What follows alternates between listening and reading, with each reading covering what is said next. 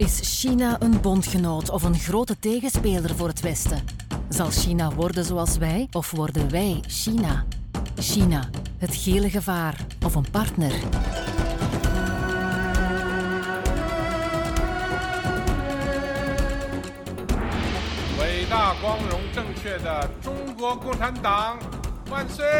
De podcast Het Rijk van het Midden niet over noedels en rijst, wel een kritische reflectie over China. Het Rijk van het Midden met communicatie-expert Dimitri Stuur. We zijn intussen aanbeland bij hoofdstuk 8, eh, de buitenste cirkel van de acht cirkels van vertrouwen. Uit dat boek van Pascal Koppes kunnen we China vertrouwen. De cirkel van het universum en cultuur, daar gaat het over. En eigenlijk is het bijna om vast te stellen hoe het China van vandaag niet meer is wat wij nog hardnekkig denken over China of blijven denken. En hoe je een hoop dingen vandaag misschien kunt verklaren die we gisteren nog niet goed begrepen. Maar dat klinkt volgens mij een beetje te hoopvol. En de ongemakkelijke bewustwording is er ook bij dat China de nieuwe wereldorde wordt of op zijn minst de huidige wereldorde met westerse signatuur bedreigt. Misschien al wel een beetje wat kort door de bocht samenvatting, maar toch weer niet zo ver van de werkelijkheid, geloof ik, Pascal. Dag Dimitri. Ja, eh, de werkelijkheid is natuurlijk een dubbele werkelijkheid die we zien vandaag. En op dit moment, inderdaad, het is niet zo ver van die werkelijkheid dat de westerse wereldorde, zoals die vandaag bestaat, eigenlijk wel enigszins onder bedreiging is. Uh, zeker als men ziet wat er in Rusland gebeurt. Uh, maar ook China ziet al heel lang, al, al jaren, dat die westerse wereldorde niet meer de orde is die voor alle landen in de wereld zou in kunnen of mag instaan, of kan instaan. Mm -hmm. En zij willen dus gewoon meer uh, eigenlijk een, een, iets te zeggen hebben in die wereldorde. En dat is een bedreiging voor de bestaande wereldorde. Ja, ja, maar nu, voor we verder inzoomen, straks op een aantal topics uit dat hoofdstuk. Um, jouw verhaal of jouw betoog begint in het jaar 2001. En dat heeft op verschillende vlakken impact gehad op China, wat het vandaag al intussen geworden is. 2001 is inderdaad een, een, een sleuteljaar geweest voor China, omdat op dat moment eigenlijk het, het Westen uh, China een aantal uh, opportuniteiten, kun je zeggen, of signalen gegeven heeft, die China volledig veranderd heeft. Uh, om te beginnen heb je natuurlijk de 9-11, de aanslagen in de World Trade Center. En, en daar is echt het, het verhaal veranderd voor China, waar vroeger eigenlijk het communisme voor 2001 nog altijd een stukje de, de vijand was van, van Amerika of het kapitalisme, of het liberaal kapitalisme. Mm -hmm. En toen, door die aanslagen, is eigenlijk China een soort ja, vriend geworden om samen dat terrorisme te bestrijden. En dat heeft een hele uh, reactie gekregen in China, dat er gewoon een militair apparaat is opgebouwd. Uh, dat heeft dat is de reden waarom dat vandaag de dag China zijn militair apparaat zo groot is. Dat is allemaal in 2001 gestart. Maar dan de belangrijkste verandering in 2001 is, is de toe toetreding tot de Wereldhandelsorganisatie. Waarbij China plots als 143ste lid kon deelnemen, zoals alle andere landen, aan een wereldhandel. Uh, en ze moesten zich dan aan bepaalde regels houden. En dan was natuurlijk de vraag of dat ze dat gingen doen. Maar wij konden eigenlijk op dat moment China niet meer. Uh, wij wouden die toelaten aan die Wereldhandelsorganisatie, omdat China de grootste markt ter wereld geworden was. En ook de grootste fabriek ter wereld. Ja. En dat heeft China eigenlijk tot de grootste fabriek ter wereld en exporteur ter wereld gemaakt. En, en misschien de derde signaal, die toch niet onbelangrijk is, maar minder in, in de kijker is gekomen bij ons, is dat in 2001 de mm. Olympische Spelen zijn toegekend geweest aan China om in 2008 te organiseren. Dat heeft de status van China in de wereld een extra punch gegeven, denk ik. Dat zij in 2008 de Olympische Spelen mochten organiseren, toch? Ja, het had allemaal met status te maken. En, en dat was het moment dat China echt een platform kreeg om aan de wereld te tonen hoe zij eigenlijk uh, veranderd waren als economie, als land, als natie. Maar ook nog belangrijker was het moment dat eigenlijk uh, China kon tonen aan alle Chinezen, aan 1,3 miljard Chinezen toen, uh, hoe eigenlijk de wereld aan het toekijken was. En dus plots, doordat uh, die organisatie van, van, de wereld, van, de, van de Olympische Spelen in 2008, is China in staat geweest om te tonen aan de wereld dat zij eigenlijk meespeelden als speler op internationaal vlak. En dus zowel de Wereldhandelsorganisatie, de Olympische Spelen, als uh, eigenlijk het soort samenwerken tegen het terreur, mm waren drie tekenen voor China in 2001 dat ze plots tot de club behoorden van de wereld. En de westerse wereld op dat moment. En vandaag, de dag 2022, kijkt China niet meer zo op naar het Westen zoals het dan toen was in 20 of in 2001, zeg maar. Nee, want in 2001 was China heel arm nog steeds, veel armer dan vandaag had nog niet zoveel mogelijkheden. Als je dat vandaag bekijkt, ja, de tweede grootste economie ter wereld, uh, tweede grootste budget op militair vlak ter wereld. En we weten allemaal van de invloed die mhm. China nu heeft op, op geopolitiek vlak. Dus eigenlijk, ja, die drie signalen die ze toen gekregen hebben, was het startpunt. Twintig jaar later hebben ze daar duidelijk uh, op een heel andere manier naar gekeken, of kijken ze daar heel, op een heel andere manier naar in de zin dat ze vandaag ons bijna bijgebeend hebben. En hun honger is nog niet te stillen, want China denkt groot, is eigenlijk laten we een beetje, het is misschien een understatement, maar overambitieus. Hoe, hoe komt dat eigenlijk? Ze staan al ver, maar het is nog lang niet voldoende voor hen. Nee, en ik denk dat dat, uh, voor zover dat je, als je naar de Chinese cultuur kijkt in het verleden, dan zie je dat China altijd heel erg ambitieus geweest is. Denk maar aan, aan de muur, de, grote muur van China, die is de langste in de wereld. Uh, om wat ze gebouwd hebben, het was altijd het grootste of het beste of het meeste, het was altijd superlatieven. En dit heeft vooral te maken, niet zozeer dat ze willen tonen van, ja, dit kunnen wij, maar eerder een soort statement om te zeggen, ons land, onze, onze verandering die we gecreëerd hebben, staat daar nu. En we hebben dus eigenlijk de volgende stap bereikt. En dus het is meer een, een stappen uh, dat ze naartoe gaan. En dus telkens als ze zo een, een groot project hebben, die soms 10, 20, 50 jaar verder in de tijd zit. Denk bijvoorbeeld aan, aan, aan de rover op Mars die ze nu gezet hebben. Dat is 20 jaar geleden beslist geweest. Mm ze, zijn, ze hebben dat gedaan omdat ze eigenlijk wouden tonen, wij horen daarbij. Dit is een verandering voor de hele maatschappij.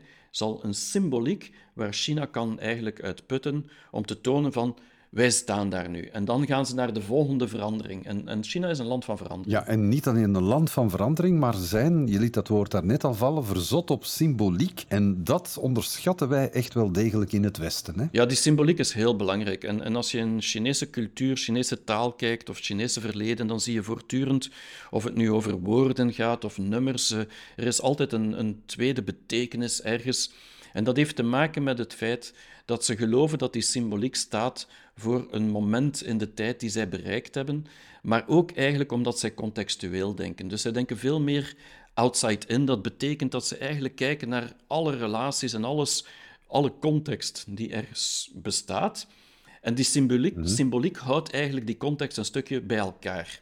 En dus het is, het is vaak een statement om te zeggen: ja, kijk, wij zijn naar Mars geweest en nu betekent dat eigenlijk dat dat voor ons symbolisch heeft dat een betekenis dat we nu eigenlijk op, op wereldniveau kunnen meespelen op vlak van ruimte. Ja. En het is niet zozeer om te zeggen van wij hebben dit bereikt, maar eerder om die context, die nieuwe context die nu de ruimte is, mhm. die ze nu ook aan kunnen. Ja. En dat is de symboliek die erachter zit. Jij hebt ook eigenlijk wel iets met een beetje symboliek dan, de Chinese symboliek met het getal 8, als ik me niet vergis. Eh, acht cirkels van vertrouwen. En in je vorige boek had je het over acht innovatiemodellen. Je denkt eigenlijk in termen van veel voorspoed, want dat betekent het getal 8 in het Chinees. Ja, 8 uh, wordt uitgesproken als ba en, uh, en, in, en dat trekt enigszins op het woord fa, wat betekent prosperous, dus uh, welvaart en, en weelde. Mm En dus ja, ik gebruik, zoals de meeste Chinezen, vaak 8. omdat dat een, ja, een, een teken van oneindigheid is, de 8, op, als je het omdraait.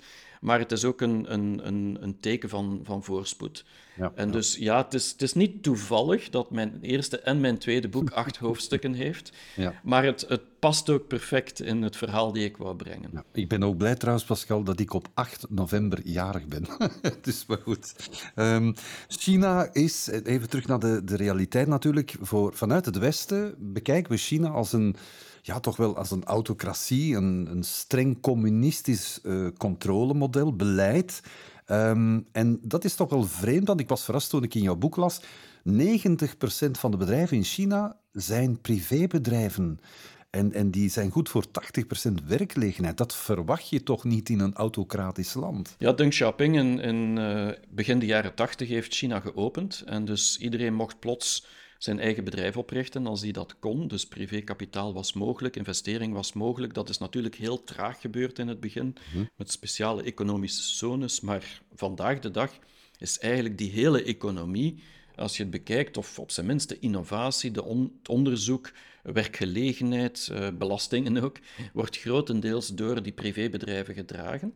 Ehm, nu, de staatsbedrijven zijn ook nog heel belangrijk, mhm. omdat die voor een bepaalde stabiliteit zorgen. En nog steeds, uh, zelf al is het maar 10% van de bedrijven, het zijn ook wel de grootste bedrijven van China vaak. Ja. En dus ze, ze zijn allebei belangrijk. Maar, maar privébedrijven en privékapitaal is, is vandaag de dag ja, even groot bijna, of, of soms groter dan vele landen in het Westen zelf. En is dat hetzelfde als bij ons in het Westen, dat je dan eigenlijk de private sector hebt en de publieke sector? Of is het daar meer een melange, een, een, bijna een kruisbestuiving tussen beiden? Ja, de twee lopen eigenlijk door elkaar, omdat vroeger was alles publiek en later werd meer en meer privé. En dus de meeste mensen die zelf in de privé werken, dus eh, in, in private bedrijven, hebben ooit gewerkt voor een publiek bedrijf. Maar er is ook heel veel inmenging van, van de staat in bedrijven. En ik bedoel dan niet daarom negatief, zoals dat wij altijd belichten alleen, maar ook positief. Dat betekent, mhm. en dat kan je vergelijken bij ons, als je ja, bijvoorbeeld innovatie wilt gaan doen, kan je dus ook subsidies krijgen van bepaalde fondsen in bepaalde landen. En dan ga je ook staatsgeld gaan gebruiken voor te gaan innoveren. En, en wij begrijpen dat heel goed, omdat dat een positief iets is. Maar in China is dat nog veel sterker verwoven met elkaar. En ga je zien dat die privé- en die staatsbedrijven vaak elkaar helpen. In die mate zelf dat het probleem hem vaak is dat de publieke bedrijven vaak niet efficiënt waren in het verleden. En daarom is er geprivatiseerd geweest. Ik herinner mijzelf, eh, twintig jaar terug, dat het telecombedrijf China Telecom door de overheid is opgesplitst geweest in twee verschillende bedrijven, China Mobile, China Unicom, om te concurreren met elkaar. Ja. En, en een van die twee is bijna een privaat bedrijf geworden. En je voelt dus echt dat die, die, die overgang privé publiek heel, heel, um, heel gemakkelijk gaat bij de Chinezen. Mhm. Soms is dat nadelig. Vaak in Chinese termen is dat voordelig, omdat ze dan toegang krijgen tot budgetten, tot, tot infrastructuur, tot, uh, tot visies die, er naar, die, die, ze, die ze willen bereiken en, mhm. en ambities. En, dus het heeft, het heeft voor- en nadelen. Ja, maar het heeft vanuit het Westen natuurlijk eerder veel nadelen, want het wakkert het wantrouwen aan dat privébedrijven plots gedeeltelijk staatsbedrijven worden of een vinger in de, in de pap hebben vanuit de staat in dat privébedrijf, dat misschien onderhandelt met een westers bedrijf. En dan kom je eigenlijk in contact met de overheid, de Chinese overheid. Ja. En van al hele tijd is er een enorm wantrouwen natuurlijk hè, ten opzichte van de, de Chinese overheid. Dus kun je dat rijmen? De, die, die houding van Xi Jinping, de mix van staats- en privébedrijven en toch onderhandelen en deals maken met het Westen, met privébedrijven, toekoor? Ja, en ik denk dat dat een, een, een, voorzichtigheid is die we moeten aan de dag brengen en, en die, die we echt moeten bekijken. Want het is een gevaar als je met een privébedrijf in, in zee gaat, dat het plots meer staatsinmenging krijgt in China. Dat is gewoon een realiteit. Ja. Maar de, vooral nu met Xi Jinping, wat je ziet, is dat uh, Xi Jinping vooral de, de, de extremen, de excessen van het kapitalisme uh, een stukje wil indijken, omdat hij gezien heeft dat dat vooral corruptie en ongelijkheid in het land heeft uh, met zich meegebracht. En grote problemen, ook de immobiliëncrisis, dus heel veel uitdagingen van dat kapitalistisch systeem die China heeft ingevoerd. Ja. En dus Xi Jinping is een stuk op die rem aan het staan uh, en zegt een stuk van ja, we moeten terug naar de stabiliteit van meer uh, staatsbetrokkenheid. Uh, om zeker te zijn dat het, dat het niet uit zijn voegen uh, gaat, uh, loopt. En dus... Eerder uit voorzienigheid, terwijl wij het in het Westen interpreteren als een soort van bemoeienis. Ja, en dat is natuurlijk... niemand weet het, omdat het is onmogelijk om te weten of Xi Jinping zal slagen in zijn opzet om eigenlijk die, die staatsbetrokkenheid als een hmm. positief signaal te zien voor ook het het, het, het kapitalistisch systeem die China de laatste 40 jaar heeft gehad. Ja. Want het kan een zeer positief gegeven zijn voor de, de middenklasse die gebouwd wordt. Mhm. En vooral om de armen in de middenklasse te duwen. Maar het kan ook uh, zijn dat dat eigenlijk uh, bepaalde dingen gaat afremmen. Maar in het algemeen is het wel enigszins aanvaard in China dat als uh, China zo verder doet op zijn elan van alsmaar meer en meer en meer op vlak van kapitalisme, dat de problemen ook alsmaar groter worden. En heel veel mensen waarschuwen daarvoor van China zit met een enorme schuld, uh, China, China, zit met een immobiliëncrisis, uh, het, het, het gaat allemaal... De, de bubbel gaat ontploffen, uh, is wat men vaak zegt. En het is net die ontploffing, of die bubbel die Xi Jinping wil tegenhouden door terug die staats inmenging, als je het zo kan zeggen, of betrokkenheid er willen insteken. Is dat het juiste antwoord? Ja, ja. Daar hebben mensen verschillende meningen over. Maar ik denk wel dat hij op zijn minst uh, dit vijf jaar gaat proberen en dat we dan gaan kunnen zien of dat dit gaat lukken of niet. Even stilstaan bij die figuur. Eh, je doet het ook in je boek in dat hoofdstuk 8. Uh, eh, bij de figuur, of moet ik zeggen keizer Xi Jinping, de leider van de Chinese Volksrepubliek. Nu, we begrijpen in het Westen eigenlijk niet goed die gehoorzaamheid aan die ene leider. Voor ons is dat een totalitair regime. En ja, staken of betogen wordt meteen de kop ingedrukt. Met andere woorden, het is een totalitair agressief regime. Ik spreek vanuit de westerse bril. Of zien we dat compleet verkeerd dan? Het, het is een, een totalitair regime in de context dat, um, dat de overheid in Beijing wel heel veel controle uitoefent en kan uitoefenen. Mm -hmm. En dus als je als Chinees leeft in de Chinese maatschappij, dan zijn er bepaalde regels dat je moet aanhouden. Net zoals bij ons, alleen in China zijn er meer regels. En zeker als het collectief in het gevaar komt, dan inderdaad, uh, dan zijn er uh, zaken waar dat de Chinese burger heel sterk moet gehoorzamen aan de, de regels die gesteld worden van bovenuit. Mm Maar het vreemde aan, aan dit verhaal, en dat is waarschijnlijk waar je naartoe gaat, is dat eigenlijk vele Chinezen daar gemakkelijk mee kunnen omgaan. Nu, niet altijd. Uh, want het loopt soms uit de hand.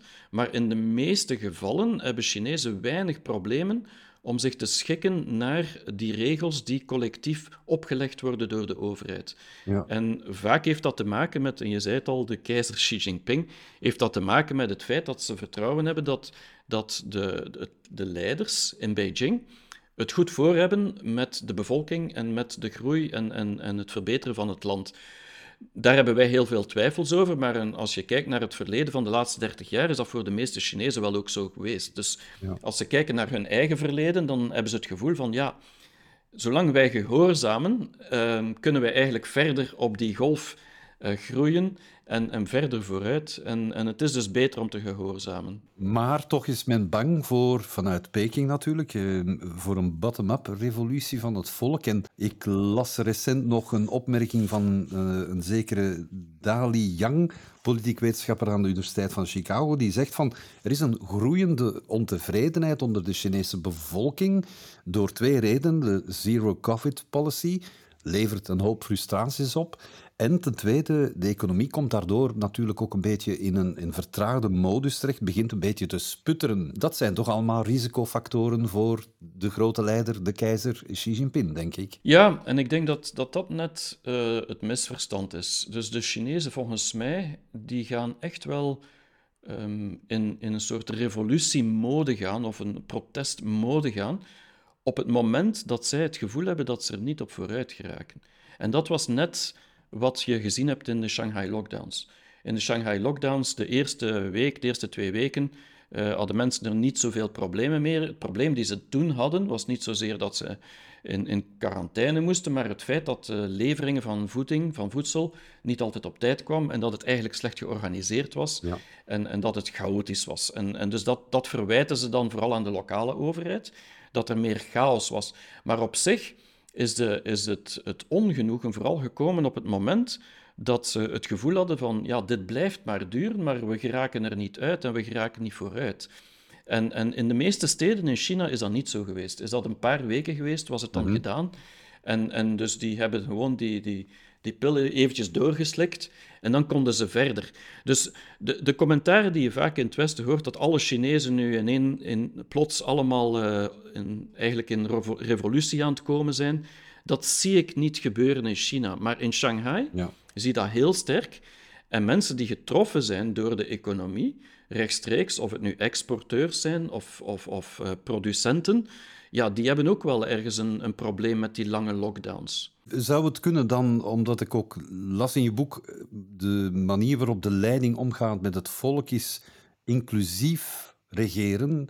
in vergelijking met het Westen dat eerder exclusief reageert, regeert bedoel ik. Leg het eens even uit. Is dat, hoe zou een figuur als Xi Jinping omgaan met de huidige crisis, met ja, die zero-covid-policy en natuurlijk ook een economie die om ondersteuning vraagt? Ja, dat is de grote vraag natuurlijk. Uh, dus inclusiviteit in de Chinese context heeft te maken met het feit dat ze zoveel mogelijk mensen willen betrekken in de opportuniteit in de toekomst van China, die een betere toekomst zou moeten zijn. Mhm. Ehm, het exclusief karakter zien wij vaker, zeker in Amerika. Als je kijkt, er is een heel beperkte uh, aantal mensen die heel veel rijkdom hebben, maar de meeste mensen worden niet echt in die maatschappij ingesloten. Daarom hebben we ook Black Lives Matter en al de problemen die naar boven komen. Um, China wil absoluut iedereen zoveel mogelijk erbij betrekken. En merkwaardig genoeg zijn dat zelf minderheden in sommige gevallen. Dat is een heel moeilijk thema om dat aan te snijden. Maar ze willen eigenlijk zoveel mogelijk iedereen betrekken. Mm. Uh, het probleem is, ze willen dat doen op een Chinese manier, uh, op hun manier. En, en dat is natuurlijk niet voor iedereen de manier die iedereen wil. Want sommige mensen willen op een andere manier groeien dan andere mensen. Maar voor de modale Chinees, als je het zo kan zeggen, heeft het nog altijd te maken met een beter leven, een, een veilig land, een stabiel land. En dat zijn de, de, de prioriteiten op dit moment. En dat probeert China te doen. En dus die zero-covid, die past daar perfect in. Uh, in de zin dat uh, die policy, die heel hard is natuurlijk, en, en voor ons on, onbegrijpelijk, is wel een policy die ervoor zorgt dat mhm. iedereen eigenlijk op dezelfde manier behandeld wordt, maar ook iedereen overleeft, als je het zo cru kan zeggen. In de zin dat er eigenlijk weinig uh, mensen zijn die sterven van COVID omwille van het feit dat ze zo hard optreden. Mhm. Ehm, is dat de juiste beslissing of de verkeerde beslissing? Dat is natuurlijk een heel ander punt. Op dit moment uh, is dat, omdat de hele wereld al uit die COVID is, uh, kunnen we dat moeilijk nog begrijpen. Um, een jaar geleden was dat een heel ander verhaal natuurlijk. Ik hoor het je wel graag vertellen dat Xi Jinping inclusief denkt en welvaart voor iedereen, strijd tegen corruptie en zo verder. Maar er zijn natuurlijk ook schendingen van de mensenrechten. Hoe kun je dat dan als inclusiviteit beschouwen? Wel, de schending van de mensenrechten is um, een, een, thema waar we in vorige hoofdstukken ook al over gesproken hadden. En, en voor mij heeft dat inderdaad te maken met het feit dat ze dit als een, een, een, eh, een trend zien op termijn. En, en dus wat dat betekent is, en dat is natuurlijk dat totalitair regime die daaraan te pas komt, is als een bepaalde groep mensen, je kan het in dit geval heel specifiek in Xinjiang bijvoorbeeld over de, de separatistische Oeigoeren spreken, als die een risico vormen op vlak van terrorisme, dan wordt daar heel hard tegenop getreden. En, en dat is een schending van de mensenrechten natuurlijk in die context. Maar zij zien dat ook vanuit hun context, dat ze een bescherming is van het collectief.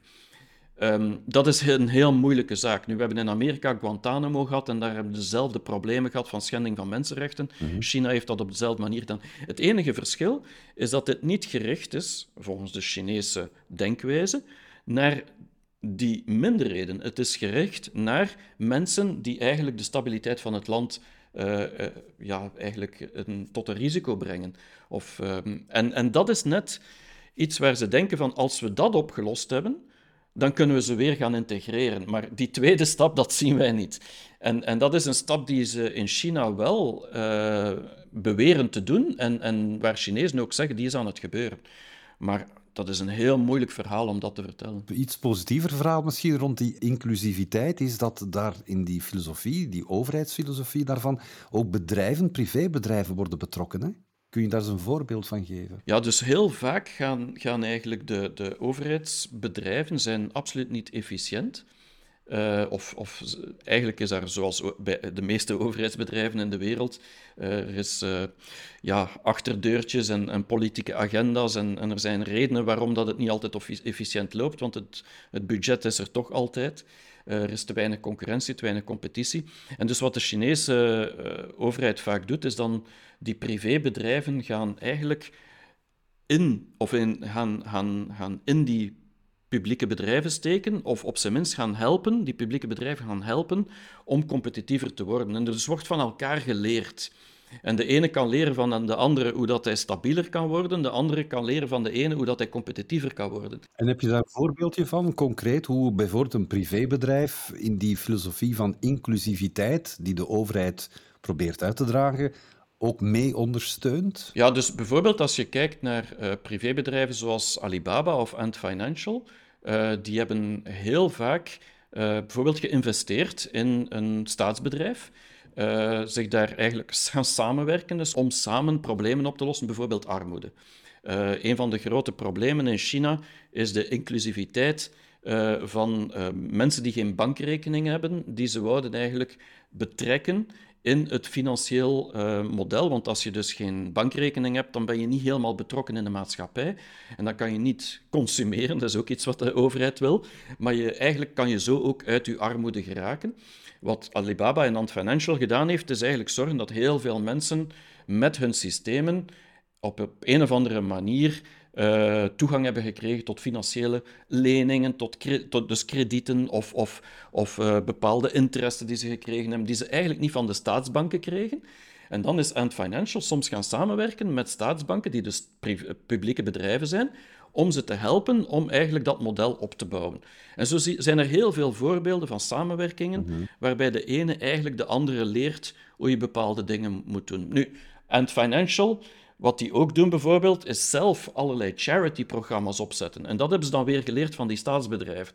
Dus het gaat in de twee richtingen. Dus toch wel die kruisbestuiving die bestaat echt. Ons verhaal begon daarnet 20, 21 jaar geleden, 2001. Die verschillende ontwikkelingen, signalen die het Westen gaf aan China, dat een boost betekende voor China. We zijn nu 21 jaar later en de Chinees voelt zich doorsnee genomen toch superieur op het Westen, klopt dat? Ja, ze voelen zich um, alsmaar minder inferieur, kan je zo zeggen. Uh, in de zin dat, dat ze eigenlijk een soort minderwaardigheidscomplex hadden twintig jaar geleden tegenover het Westen, die ja, rijk was en, en, en op, vlak van heel, op heel veel vlakken, op technologisch vlak, op innovatievlak, maar ook op sociaal vlak in Europa, heel veel voordelen had die China niet had. En hmm. daar keken ze dus naar op. Uh, maar op twintig jaar tijd is dat een stukje veranderd, want ze hebben ook gezien dat het Westen ook veel problemen heeft. Uh, ik ga ze nu niet allemaal opnoemen, maar eigenlijk dat het Westen niet perfect een spiegel is voor de toekomst waar China zelf naartoe wil gaan. En nu beginnen ze meer en meer een superieure houding aan te nemen. En dat bedoel ik niet dat ze neerkijken op ons, maar dat ze echt wel kijken naar hun 2000 jaar of 2500 jaar geschiedenis en zeggen van ja, wij hebben ook wel waarden en wij hebben ook wel principes en wij hebben ook wel een cultuur en een geschiedenis die, die eigenlijk een beschaving is van 2000 jaar, die wij nu ook zien dat dat zijn voordelen heeft, zelf in deze situatie, en waar wij soms daardoor eigenlijk um, meer kunnen of beter kunnen, dingen beter kunnen dan het Westen. En dan voelen ze zich superieur natuurlijk. Maar daar zit natuurlijk ook een spanningsboog op, of een, een spanningseffect op, want het Westen aanziet eigenlijk de eigen waarde als superieur op de rest van de wereld, toch? Ja, en ik denk dat daar het, het grote probleem is dat we, of de uitdaging, dat wij onze waarden, westerse waarden, als universele waarden zien, terwijl dat eigenlijk uh, er zo goed als geen universele waarden zijn, alhoewel dat alle waarden in alle culturen bijna aanwezig zijn, maar de prioriteiten zijn niet dezelfde. En, en dus de Chinese waarden, die teruggaan naar het Confucianisme, uh, zijn eigenlijk waarden die, die heel belangrijk zijn. Uh, waarden zoals eer, zoals respect, zo'n dingen, die zij vinden dat wij dan niet hebben of te weinig hebben. Dus op een bepaald moment kom je eigenlijk in een waardeoorlog, maar het de realiteit is dat zij evenveel waarden hebben als wij, alleen de prioriteiten zijn anders van welke waarden nu belangrijker zijn dan andere waarden. Maar zij vinden hun waarden vanuit 2500 jaar beschaving en cultuur zeker niet minder waardig, als ik het zo kan zeggen, dan onze waarden, die veel korter is in, vele gevallen in, binnen onze cultuur. Een hele dynamiek blijft het toch maar zijn, bij wijze van spreken, hè, tussen het Westen en China. Uh, ik stel voor dat we in een volgende aflevering, Pascal, nog eens eigenlijk een beetje alles op een rijtje zetten. In de hele reeks hier van uh, Kunnen we China vertrouwen in de podcastreeks Het Rijk van het Midden. Als dat goed is voor jou, Pascal. Ja, ik zie het heel goed zitten om uh, eigenlijk nog een laatste aflevering te doen waar we alles in samenvatten. Dat is heel fijn. Tot dan. Dit was Het Rijk van het Midden, een podcast over China met communicatie-expert Dimitri Stuur. Het Rijk van het Midden. Een productie van Motion Builders.